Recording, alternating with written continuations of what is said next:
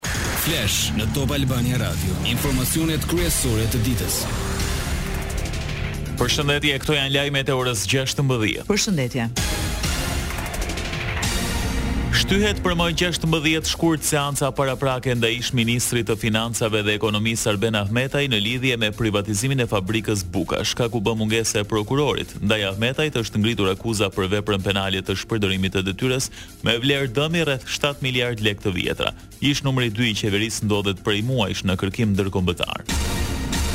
Gjykata e Posaçme urdhëroi plotësimin e hetimeve lidhur me dosjen për cilën janë të pandehur ish-kryetari i Bashkisë së Durrësit, Vangjush Dako dhe dhjetë të tjerë.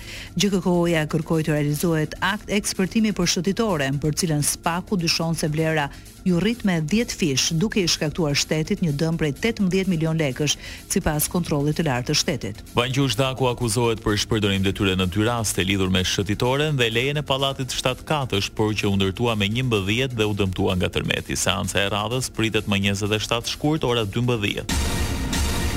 Ish-ministri i Shëndetësisë Ilir Beqaj u paraqit në SPAK. Për të është në fuqi masa detyrim për paraqitje. Situata iu rëndua nëntorin e kaluar. Vazhdimisht Beqaj deklaron se vetëm kreu detyrën, ndonëse SPAK-u disponon dokumenta mbi të cilat dyshon se me veprimet dhe mosveprimet e tij, ish-ministri shpërdoroi detyrën. Top Albania Radio. Një pikë këmbimi valutor u grabit gjatë natës në zonën e Universitetit Bujqësor në Tiranë. Raportohet se grabitësit hapën murin e biznesit dhe morën rreth treqind mijë lekë në sirtar, por pa mundur të hapnin kasafortën. Pronari i Exchange-it në rrugën Kastriotët njoftoi policinë në mëngjes, blutë e kryeqytetit po punojnë për identifikimin dhe kapjen e tyre.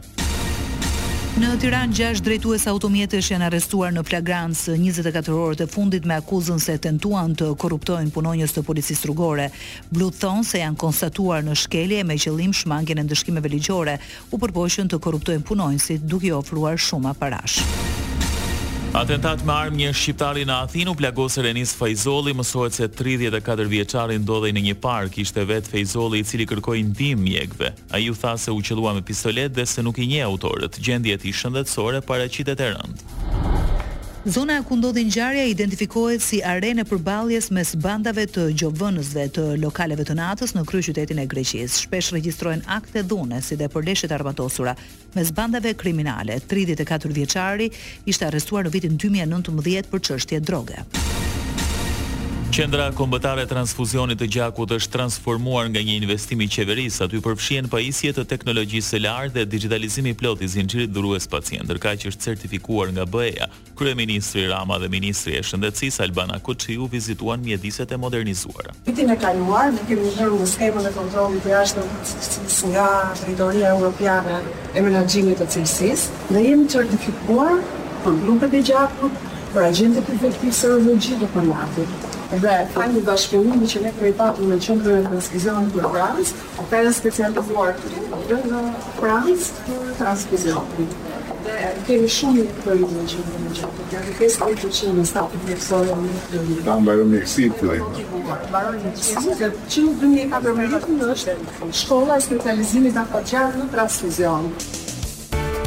Lajme nga rajoni.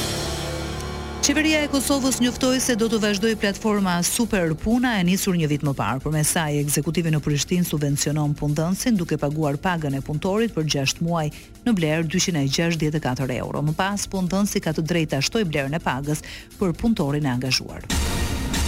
Presidenti Vuçiç tha se vendimi i autoriteteve të Kosovës për anulimin e dinarit serb është sulm ndaj të gjitha marrëveshjeve të nënshkruara nga një mijë e nëntëqind e nëntëdhjetë e nëntë. Sot në një konferencë për media deklaroi se është e drejtë e Serbisë të financojë aktivitete të caktuara në shëndetësi, arsim e për pensione. Vuçiç akuzoi Albin Kurtin se e mori vendimin për spastrim etnik të popullit serb nga territori i Kosovës. Lajme nga bota. Britania e Madhe mund të njohë zyrtarisht një shtet palestinez pas një armëpushimi në Gaza pa pritur për rezultatin e bisedimeve mes Izraelit dhe palestinezëve për zgjidhjen me dy shtete. Kjo u theksua nga kryediplomati britanik David Cameron, sipas tij nuk do të ketë asnjë njohje për Hamasin në Gaza. Që Britania të njohë një shtet palestinez, udhëheqësit e grupit militant Hamas duhet të largohen nga Gaza sepse për Londrën, Nuk mund të ketë zgjidhje me dy shtete, me Gazën ende të kontrolluar nga individët përgjegjës për shtatë tetorin. Hamas refuzon. Në Gazën e udhëhequr nga Hamasi, Ministria e Shëndetësisë raportoi se njëqind e pesë persona janë vrarë brenda njëzet e katër orëve. Po ashtu pati bombardime dhe luftime në Khan Yunis, Në bisedimet e fundit në Paris u diskutua mbi një propozim për armëpushim në Gaza. Autoritetet turke arrestuan njëzet e pesë të dyshuar lidhur me të shtënat gjatë një shërbese në një kishë në Stamboll fundjavën e kaluar, ku u vra një person. Mes tyre janë edhe dy agresorët e dyshuar, të kapur më herët nga policia që besohet se kanë lidhje me Shtetin Islamik. Ata janë nga Taxhikistani dhe Rusia. Me urgjencë, Rumania duhet të miratojë bazën ligjore që do të lejonte vullnetarët civilë të ndjekin trajnime ushtarake nëse zgjerohet lufta e Rusisë kundër Ukrainës. I këtij mendimi është shefi i ri i ushtrisë, gjenerali Georgita Vlad. Ai pret tensione edhe në Ballkanin Perëndimor.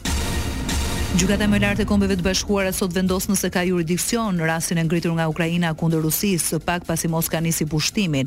Moska akuzohej se shkeli Konventën e Gjenocidit të vitit një mijë e nëntëqind e dyzet e tetë, duke pretenduar se pushtimi i njëzet e katër shkurtit dy mijë e njëzet e dy u nis që të frenojë një gjenocid të supozuar ndaj rusofolësve në lindje të Ukrainës. Koreja e Veriut lëshon raketa lundrimi në brigjet perëndimore, vendi komunist i përshkruan si strategjike dhe po ashtu nuk ndal testet e raketave balistike me aftësi bërthamore. Penjani synon të zgjerojë kapacitetet për të kryer sulme atomike dhe shpërfill sanksionet e Kombeve të Bashkuara. shkuara.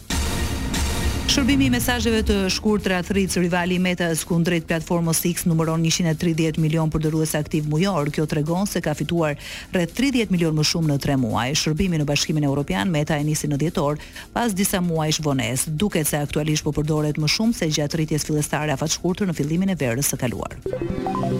Parashikimi i motit. Në vendin tonë do të vijojë që të dominojë mot disi i paqëndrueshëm me alternime vranësirash e kthjellimesh. Temperaturat variojnë nga minus tre në shtatëmbëdhjetë gradë Celsius. Ndoqët një përmbledhje të zhvillimeve kryesore të ditës. Edicioni informativ i radhës është në orën shtatëmbëdhjetë. Unë jam Eriselda Doko. Unë jam Edi Hallaçi. Kjo është Top Albania Radio.